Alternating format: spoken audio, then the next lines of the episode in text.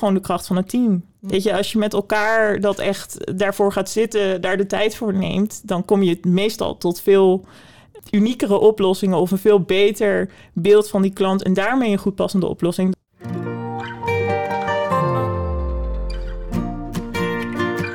Welkom bij onze podcast Expeditie Application Services. In deze podcast gaan we op reis langs onze 28 clusters. We ontmoeten gepassioneerde experts en praten over hun succesverhalen, uitdagingen, trends en toekomstvisies. Mijn naam is Eva Helwig en ga lekker zitten, relax en geniet van deze reis.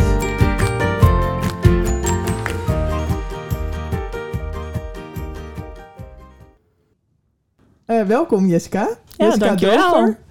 Um, ik kijk ontzettend uit naar deze podcast, want we kennen elkaar al uh, wel een, nou ja, een jaartje nu, denk ik, Ja. van een trainingsprogramma. Klopt. Uh, maar ik weet eigenlijk helemaal niet zoveel over jouw rol als solution architect, dus daar gaan we het Mhm. vandaag over hebben. Ja. Maar voordat we beginnen wil ik je graag uh, wat dilemma's voorleggen. Nooit meer lekker eten of nooit meer sporten? Oh, je begint al meteen moeilijk. Ja, ja. Dat zijn echt mijn twee favoriete dingen eh, in één. Ja, jeetje. Kan het een zonder het andere? Als ik alleen maar lekker eten en niet sport, dan eh, wil ik niet weten waar dat strandt. Eh, Nee. Maar ik denk dan toch nooit meer sporten. Het eten is toch wel, ja, lekker eten. ja, ja. Wat is je favoriet gerecht? Ehm favoriete gerecht is lastig. Favoriete keuken is sowieso Italiaans. Oh ja. Oh, Risotto's, pasta's, heerlijk. alles. Ja, snel een etentje plannen. Uh, werken in een team of alleen naar een opdracht? team. Ja, ik denk helemaal, maar dat zullen we zo nog wel komen in het werk wat ik doe. Dat kan je niet alleen. Oké, oké. Ja. Moet je wel eens iets alleen doen? Moet je iets alleen doen? Eigenlijk, nou nee, moeten nooit. Weet je, er zijn wel dingen die je alleen kan doen of die je alleen oppakt. Maar ik denk dat het nooit voorkomt dat het moet. Je kan altijd wel hulp vragen of bij mensen terecht.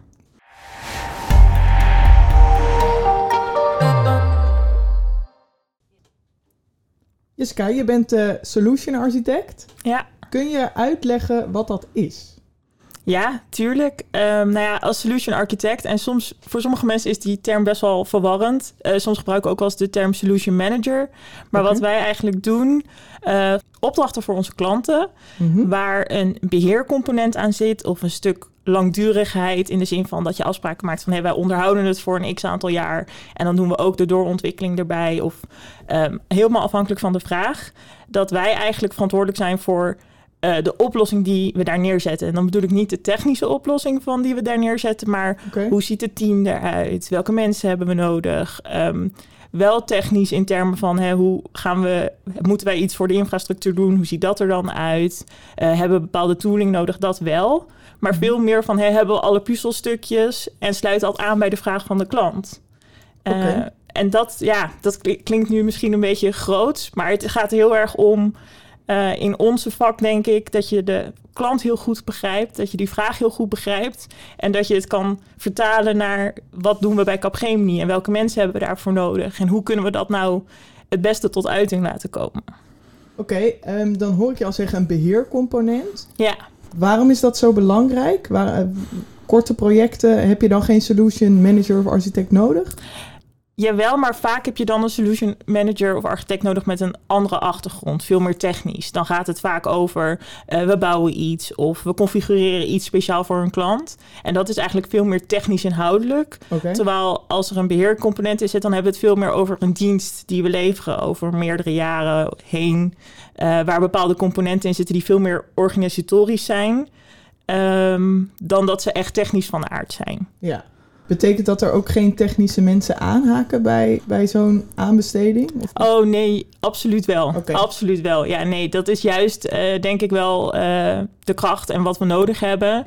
Eh, op het moment dat wij aan zo'n bid gaan werken, dan eh, starten we vaak in een zogenaamde driehoek. Dus dan hebben we iemand vanuit sales die verantwoordelijk is voor de commercie en, en die zaken. Mhm. Iemand vanuit bid management die het proces van het bid eh, organiseert. En iemand vanuit solution management die dus voor de oplossing gaat zorgen. En dan met elkaar kijken we van hey, wat is er nodig qua expertise? Wie hebben we daarvoor nodig? En wie moeten we dus aanhaken bij het bid? Ja, oké. Ehm, ik wil straks nog wel verder inzoomen op jouw rol. Ehm, je noemt al even, oké, het gaat om aanbestedingen met een beheercomponent. Ja. Uh, wat kan je nog meer vertellen over die soorten aanbestedingen? Eigenlijk dat het heel divers is. Dat je um, allerlei soorten verschillende IT-dienstverlening. Ja, ons portfolio is natuurlijk heel groot. En dat maakt het eigenlijk wel heel leuk. Dat dat bij ons komt alles bij ons eigenlijk samen. Ja. Dus het kan zijn dat er een stukje SAP in zit. Er kan zijn dat er een stukje maatwerk ontwikkeld moet worden. Dat komt allemaal bij elkaar eigenlijk.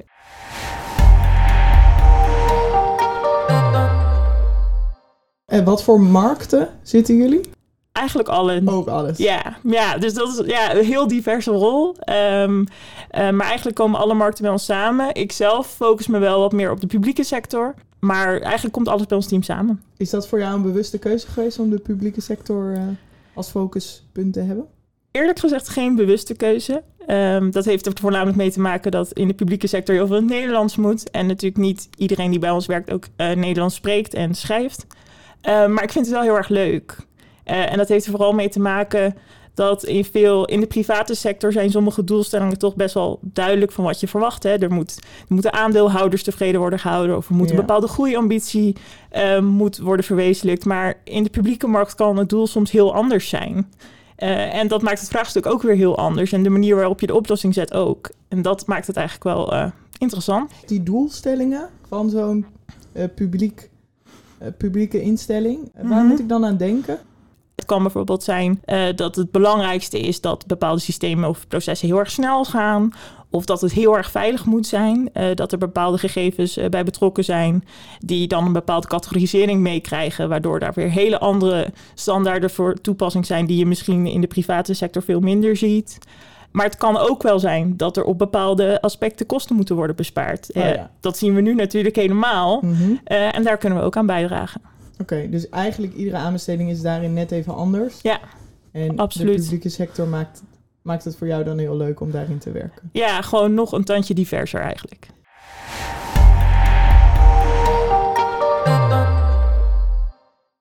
En dan toch naar jouw werkzaamheden. Um, wat doe je? om hem maar even lekker heel breed te trekken. Ja, wat ik doe hangt ook heel erg af uh, van de context. Bijvoorbeeld, we gaan naar de start van um, zo'n aanbesteding. Ja. Dus je noemde net al, oké, okay, er is een bid manager, iemand van sales aangehaakt. En Ja. jij dan als solution architect of solution manager. Wat bespreken jullie tijdens de eerste meetings? Het hangt heel erg af van de timing van die eerste meeting. Het liefst wil je het zien aankomen en ben je er eigenlijk al mee bezig lang voordat de vraag daadwerkelijk op je bureau ligt. Uh, zodat je gewoon goed weet wat speelt er nou, wat is er belangrijk en hoe kunnen we ons het beste voorbereiden. Hoe zorgen we ervoor dat we de goede mensen hebben aangehaakt. En hoe kom je daar dan achter? Hoe zorg je dat je zo snel mogelijk bent, uh, eigenlijk nog voordat iets duidelijk wordt, dat je het weet? Um, dat kan of zijn omdat we een goede relatie hebben met de klant en omdat dat dan al aangegeven is. Um, maar er worden ook vooraankondigingen gedaan. Dus op het moment dat er een vooraankondiging ligt, kunnen we daar natuurlijk ook al mee uh, aan de slag. Ja. Oké, dus uh, hangt af wat Ja. jij doet van wanneer je in een proces. Ja, en ik denk dat wel kenmerkend is voor een bidproces. Als uit de uiteindelijke vraag er ligt, dan ben je altijd um, gelimiteerd aan de tijdslijnen van de klant natuurlijk. Dus dan uh, begint het altijd ja, een beetje snelkookpan-setting, denk ik. Dan starten we altijd met, hey, snappen we de vraag goed? Hebben we allemaal hetzelfde beeld van de vraag? Uh, dat klinkt heel erg open deur, maar dat is een van de belangrijkste stappen waar je toch snel geneigd bent om overheen te stappen van, oh nee, dit kennen we wel, we gaan door. Nee, eerst terug. En gebeurt dat vaak? Soms wel eens, denk ik. Ja. Ja. En wat is daarvan het risico? Wat gebeurt er dan? Nou ja, dat er toch uh, een verschillend beeld ontstaat. Dus dat mensen ook verschillende dingen gaan doen. En dat je op een gegeven moment, als je dicht, als alles weer bij elkaar komt, uh, dichter bij de deadline, dat je denkt van hé, hey, dit hadden we toch anders bedacht. Ja. Uh, dus Uit dat, de pas lopen met elkaar. Ja. En ook wel, denk ik persoonlijk, dat op het moment dat je dat niet echt met elkaar goed doorleeft, dat je ook niet tot de meest briljante ideeën komt van hé, hey, hoe gaan we ons onderscheiden of hoe kunnen we deze klant nou echt helpen? Omdat je meer tijd moet besteden aan alles weer met elkaar in sync brengen? Ook, maar ook gewoon de kracht van het team. Weet je, als je met elkaar dat echt daarvoor gaat zitten, daar de tijd voor neemt, dan kom je meestal tot veel um, uniekere oplossingen of een veel beter beeld van die klant en daarmee een goed passende oplossing dan dat je zegt van oh, het is SAP, dat kennen we wel, dit gaan we neerzetten en we gaan als een sneltrein door. Ik had daar nog niet eens zo bij stilgestaan, maar die kracht van het team uh, Ja, daar was het een goed dilemma voor. Ja, ja. oké, oké. Ja. Kracht van het team. Komen we misschien straks nog wel even op terug. Ja. Eh, maar laten we... Oké, eh, jullie zitten bij elkaar, vraagstelling begrijpen. Ja. En dan? Ehm, dan kijken van, hey, zijn we nu als team eh, wel in staat om deze vraag goed te beantwoorden? Hebben we iedereen die we nodig hebben ook echt aan boord? Mhm. Soms kom je erachter dat je toch nog een heel belangrijk punt over het hoofd hebt gezien... of dat je toch nog een expertise mist. Ehm, dus dat is eigenlijk de eerste stap. En dan ga je met elkaar een, een actieplan bedenken. Ehm, waar ligt iedereen's talent? Wie voelt zich waar eh, het meest comfortabel bij? Ehm, mijn rol is in principe om ervoor te zorgen dat alle puzzelstukjes bij elkaar komen, maar ook dat er een kostencalculatie ligt. Dus dat we weten van, nou, hey, dit gaat het kosten. Vervolgens heb je de sales die eigenlijk verantwoordelijk is voor de commerciekant en dus daar een prijskaartje aan hangt. En we moeten natuurlijk nog eh, beantwoording geven. De vraag is dat gewoon kwalitatieve beantwoording in de vorm van een presentatie of stukken of iets. Maar dat moeten we ook goed voorbereiden.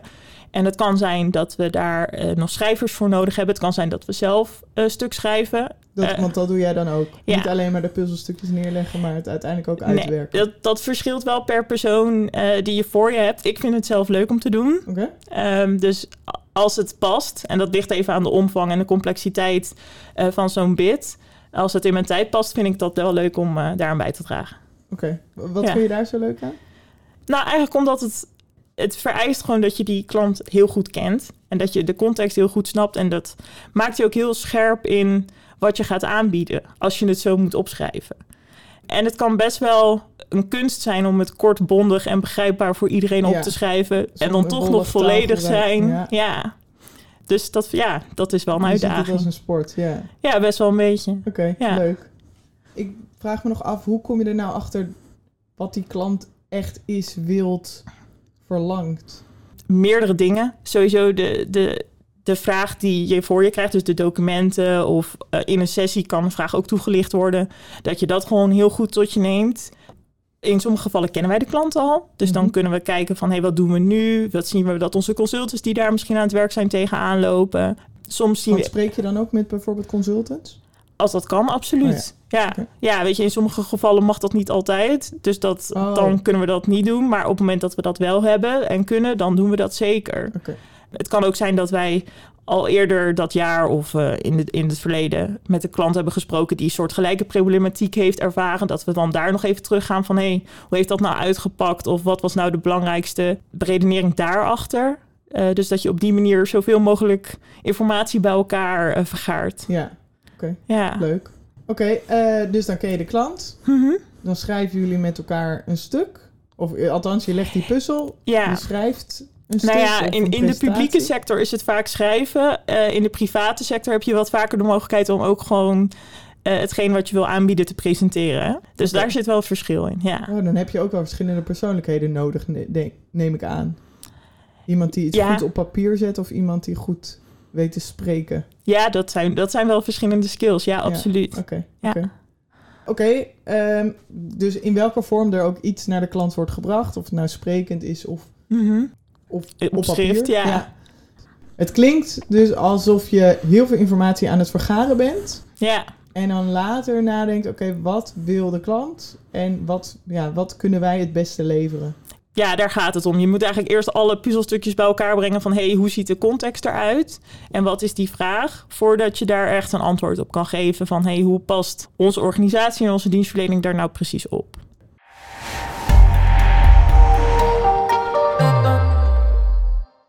Wat Ja. moet je als solution architect of manager, wat zijn nou, wat moet je in je hebben om dat werk goed te doen? Heb ik over na zitten denken, want ik had deze vraag verwacht. Mhm. Ehm, ik denk vooral eh, dat je in staat moet kunnen zijn om het grotere plaatje te bewaken. Dus dat je ook ziet als er een stukje in het grijze gebied verdwijnt of als er iets minder aandacht krijgt.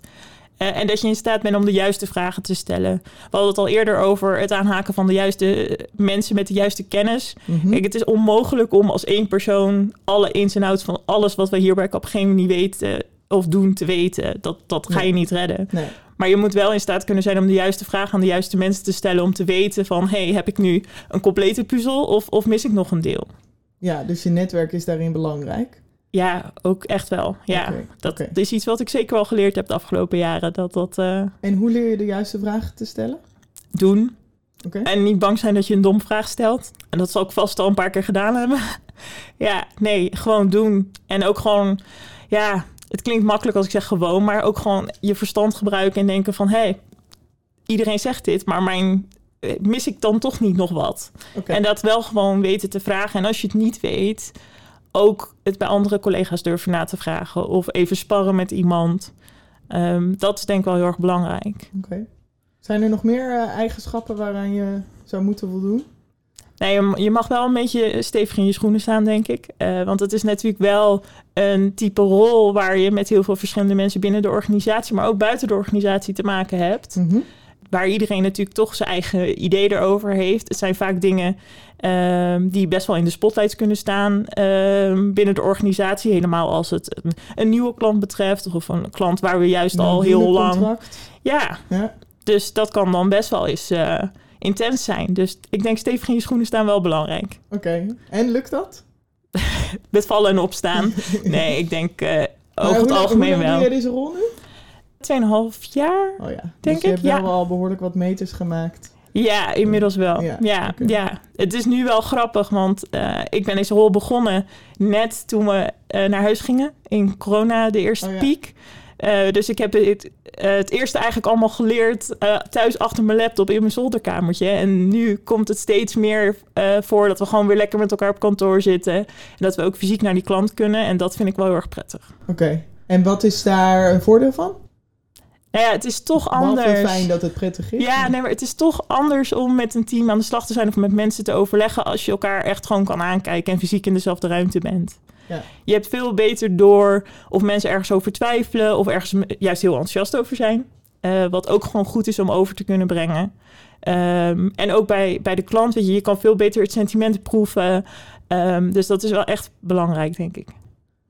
Dan toch het bruggetje naar dat teamgevoel. Hoe Ja. zorgen jullie met elkaar dat je, nou ja, en goed prettig samenwerkt, maar ook Mhm. nieuwe, toffe, innovatieve dingen bedenkt? Ja. Creatieve oplossingen? Ja, en niet dus in de, gewoon op de gebaande paden blijft. Ja, nou ja, dat is altijd een uitdaging. En daar moet je ook wel expliciet aandacht voor hebben. Van hey, welke groep mensen hebben we? Eh, en hoe betrek je die ook het best? En hoe zorg je ervoor dat met iedereen aan de diversiteit van personen die we in het team hebben, dat iedereen daar het meeste uit kan halen? Dat is soms wel lastig, want eh, mensen hebben vaak natuurlijk ook gewoon nog andere klantverantwoordelijkheden of ander werk wat ze ernaast doen.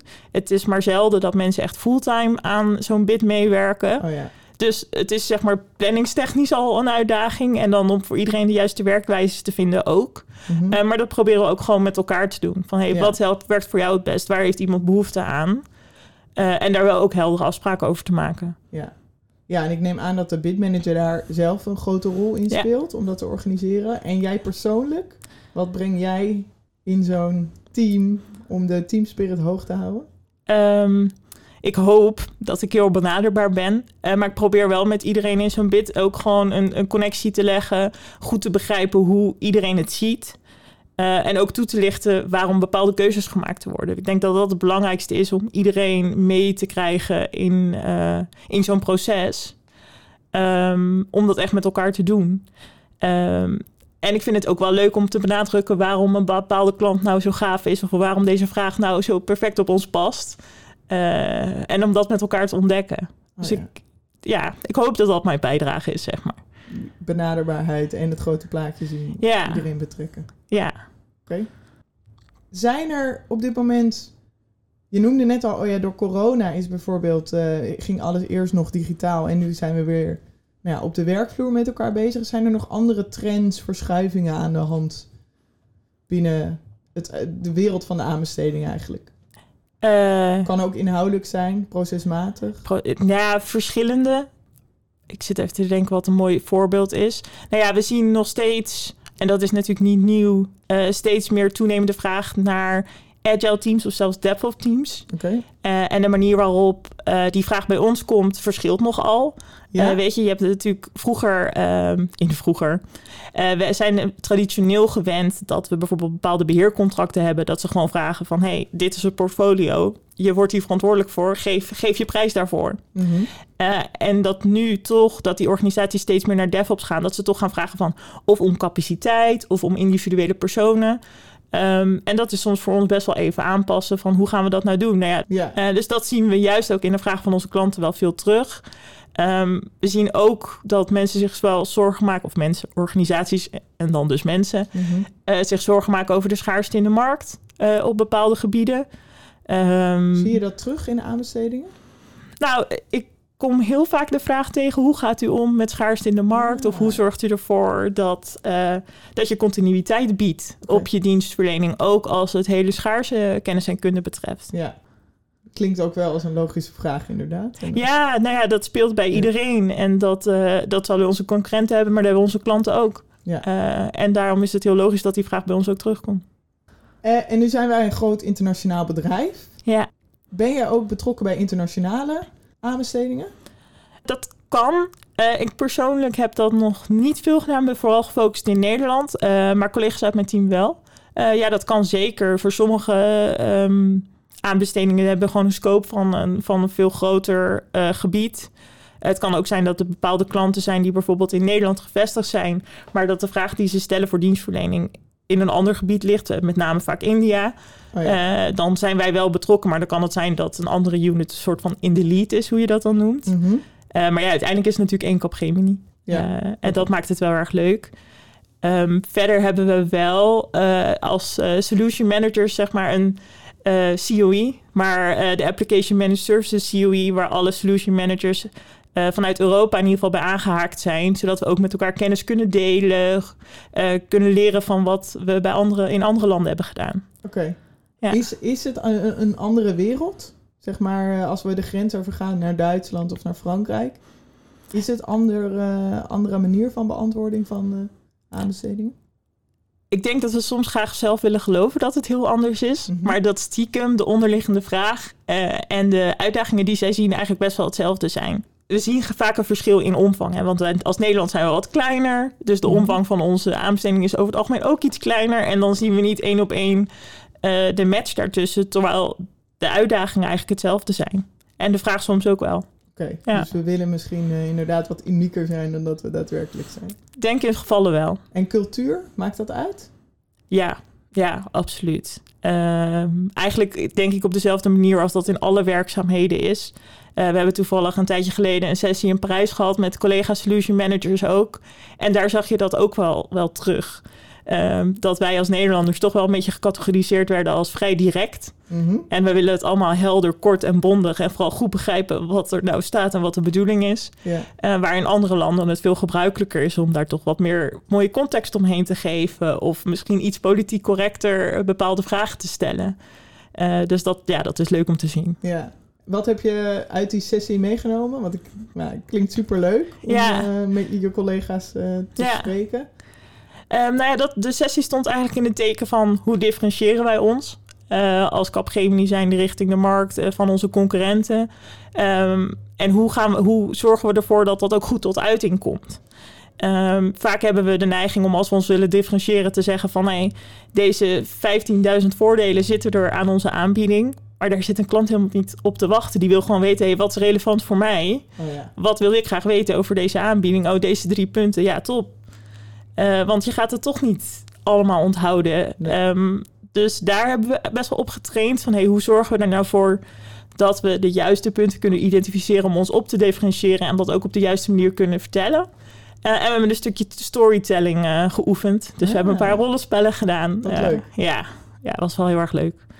En dat moet je denk ik ook doen. Het is ook goed om die mensen even weer allemaal face-to-face te zien en met elkaar te delen.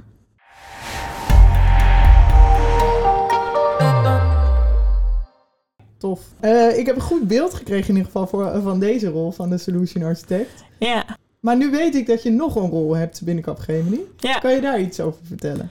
ja, ik ben samen met mijn collega Henry eigenlijk eh, verantwoordelijk voor eh, EAPM. Economic Application Portfolio Management staat het voor. En het is een, aanpak. mond vol. Ja, dat is het. En binnenkort gaat de naam ook veranderen. Dus iedereen die dit hoort mag het ook weer vergeten. Oké, oké. Ehm, maar eh, dat is eigenlijk een offering die wij hebben, eh, waarbij wij het applicatielandschap van de klant doorlichten. Eh, en daar ja, eigenlijk gewoon een assessment aanpak. En wat, wat bedoel je met doorlichten? Nou ja, eigenlijk ehm, wat we doen is dat wij informatie over het applicatielandschap verzamelen om daar een goed beeld van te vormen van hoe het er nu uitziet, dus de S is. en ook om gericht advies te kunnen geven van hey, hoe ga je nou richting de toekomst toe dat landschap verder doorontwikkelen. En vaak zetten we dat in als een klant met een bepaalde vraag zit van hey, ik wil het graag optimaliseren mijn landschap. Ik weet dat ik wat legacy heb of wat dingen waar ik me zorgen over maak. Uh, en hoe ga ik er nou voor zorgen dat dat een toekomstvast geheel wordt en dat ik uh, wendbaarder word, uh, dat ik daar meer mee kan het komt ook vaak, we gebruiken het ook vaak als een klant zegt van nou, ik wil graag met mijn applicaties naar de cloud. Maar ik weet helemaal niet welke applicaties er nou makkelijk kunnen migreren, welke applicaties we misschien moeten vervangen. Uh, kunnen jullie ons daar niet mee helpen? En het leuke eigenlijk uh, van die aanpak is dat we dat in zeer korte tijd kunnen doen. Uh, we gebruiken daar ook tooling voor. Wat is zeer kort? acht tot tien weken okay. gemiddeld. Oké. Okay. En ik zeg gemiddeld, want iedereen snapt dat dat per context uh, verandert. Ja. Uh, ja. En het ligt ook natuurlijk aan de scope van zo'n uh, De ene, ene, klant is groter dan de andere en de inhoud ja. kan verschillen. Oké. Okay. Ja. ja, we kunnen dat dus ook doen zo snel omdat wij daar tooling voor inzetten of tooling zelf voor hebben ontwikkeld niet ik zelf, maar onze collega's in Frankrijk zelf. Ja. Um, waardoor we dat heel snel kunnen doen, maar ook heel visueel kunnen maken. Dus als we dan ons resultaat hebben laten zien uh, en we komen bijvoorbeeld met een advies van, nou, dit clubje applicaties dat je hebt, uh, daarvan zeggen we toch dat je daar op korte termijn afscheid van moet nemen. Dat je dan precies met een paar klikken in die tooling kan zien van, hé, hey, wie maakt daar gebruik van? Wie is er verantwoordelijk voor? Hoeveel kost het me eigenlijk nu? Uh, zodat je daar eigenlijk heel snel actie op kan ondernemen. Want naar welke aspecten kijk je dan allemaal? Wat zit er in zo'n uh, assessment? Ja, ook dat is contextafhankelijk. Het blijft een beetje een rode draad. Ja. Um, maar dat, uh, dat gaat ook van... de kracht natuurlijk. Ja, zeker, zeker weten. Maar um, het is een stukje algemeen. Dus dat je zegt van nou... Uh, wat hebben we hier eigenlijk? Wat voor functionaliteit levert het? Uh, wie maakt er gebruik van? Uh, hoe is het technisch geïmplementeerd? Uh, hoe wordt het gehost? welke eisen stellen we daar allemaal aan? En ook afhankelijk van wat je ermee wil. Weet je, we zijn bijvoorbeeld nu met de cloud assessment bezig. Uh, die klant wil afscheid nemen van het datacenter en die wil met alle applicaties over naar uh, Microsoft Azure. En daarvan hebben we gezegd van hé, hey, wat, welke randvoorwaarden zien we allemaal voor een applicatie voordat die naar Azure uh, gemigreerd kan worden? En kan dat in zijn huidige vorm, ja of nee? En dan bekijken we dus van hey, welke, wat moeten we dan allemaal weten van zo'n applicatie om daar een goed advies over te kunnen geven. En dan is dat dus uh, wat we gaan ophalen. Oké, okay, je noemde in ons voorgesprek ook al wat over de duurzaamheid. Dat is ja. natuurlijk nu een hot topic. Hoe komt dat naar voren in, de, in het assessment? Klopt. Um, we hebben een module als onderdeel van het assessment ontwikkeld, uh, wat zich focust op de CO2-uitstoot van de organisatie waar de applicaties voor verantwoordelijk zijn. Dus er wordt gekeken naar hey, welke applicaties worden er gebruikt, hoe worden die applicaties gehost, in welke mm-hmm. omgeving worden die gehost, in welk land staan die, hoe ziet de elektriciteitsvoorziening in zo'n land eruit. Dus dat gaat echt best wel wow. ver terug. Okay. Uh, om vervolgens een inschatting te maken van hey, hoe voor, um, ja, voor wat voor deel uh, is die applicatie nou verantwoordelijk voor de CO2-uitstoot. En dan ga ik wel zeggen, weet je, de, de, applicatie of een enkele applicatie zal in zijn eentje niet zo heel veel effect hebben. Mm-hmm. Maar als je het over het portfolio bekijkt, kan het toch best wel ja. uh, een bijdrage hebben. En daar hoef je in je operatie niet eens veel van te merken. Uh, soms staan, staan applicaties, uh, worden nauwelijks gebruikt. En die staan wel ergens te zoomen. Misschien wel op een plek waar dat helemaal niet zo duurzaam is. Ah, ja. Um, okay. Dus daar kun je best wel veel... daar valt best wel wat te winnen, toch nog. Ja, en, en wel heel tof. Kijk, ik voel nu al mijn eigen verbazing zo van... oh ja, wat, wat vet dat jullie dat doen. Ja. Um, hoe reageren klanten erop? Um, zijn die verbaasd of weten ze het stiekem wel? Ze zijn wel verbaasd dat, dat je het zover analyseert. Um, okay. Daar denken mensen denk ik zelf nog niet zo goed aan. Weet je, als organisaties aan verduurzamen denken... dan denken ze eerst van... oh, hoe houden we ons eigen gebouw cool? Uh, hoe komen onze mensen naar het kantoor? Uh, moeten we ze minder vliegen? Weet je, dat zijn een beetje de dingen waar organisaties ja. snel aan denken. Uh, en daar wordt nog niet zo gauw gedacht aan... Uh, hoe ziet mijn applicatielandschap eruit überhaupt? Hoe heb ik het ingericht en hoe maak ik daar gebruik van? Terwijl dat er wel degelijk impact heeft. Ja, dus we krijgen wel heel veel nieuwe informatie. Ja, ja. Tof, tof. Wat maakt dit werk zo leuk voor jou? Ik vind de afwisseling van beide eigenlijk heel erg leuk. Wat ik in de assessments leer, kan ik natuurlijk ook weer goed toepassen in de, in de bits die we doen. Uh, andersom ook weer wat ik in de bits zie, kan ik ook weer goed uh, plaatsen uh, in de assessments die we doen. Um, door de assessments heb ik ook al bij best wel heel veel leuke klanten een kijkje in de keuken mogen krijgen. Dus dat maakt het ook wel gewoon heel erg leuk. Um, en het is iets wat continu in, in ontwikkeling blijft. Dan, toen ik voor het eerst in aanraking kwam met EAPM, dat was in 2019 volgens mij. Toen was de duurzaamheidsmodule was er nog helemaal niet. En oh, toen ja. zag de cloud-module er ook nog heel anders uit dan nu. Dus je ziet wel dat het zich mee ontwikkelt uh, met de vragen van onze klanten eigenlijk ook. Ja, leuk. Ja. Je noemt al even, ja, de combinatie is zo leuk en de afwisseling is ja. zo leuk. Stel je moet toch kiezen. Solution Architect of E EAPM? Zo, dat is wel echt een gewetensvraag ook. ja, ja. Uh, uh, solution Architect. Oké. Okay. Ja. Hey, super. Ik vond het een hartstikke leuk gesprek. Ik heb veel, uh, veel geleerd en ik denk dat dit heel waardevol is voor onze klanten. Het werk wat jij doet. Ja, dus, nou ja, dat hoop ik altijd maar. en je hebt een mooi inkijkje gegeven, dus ja. hartstikke bedankt. Ja, jij ook bedankt.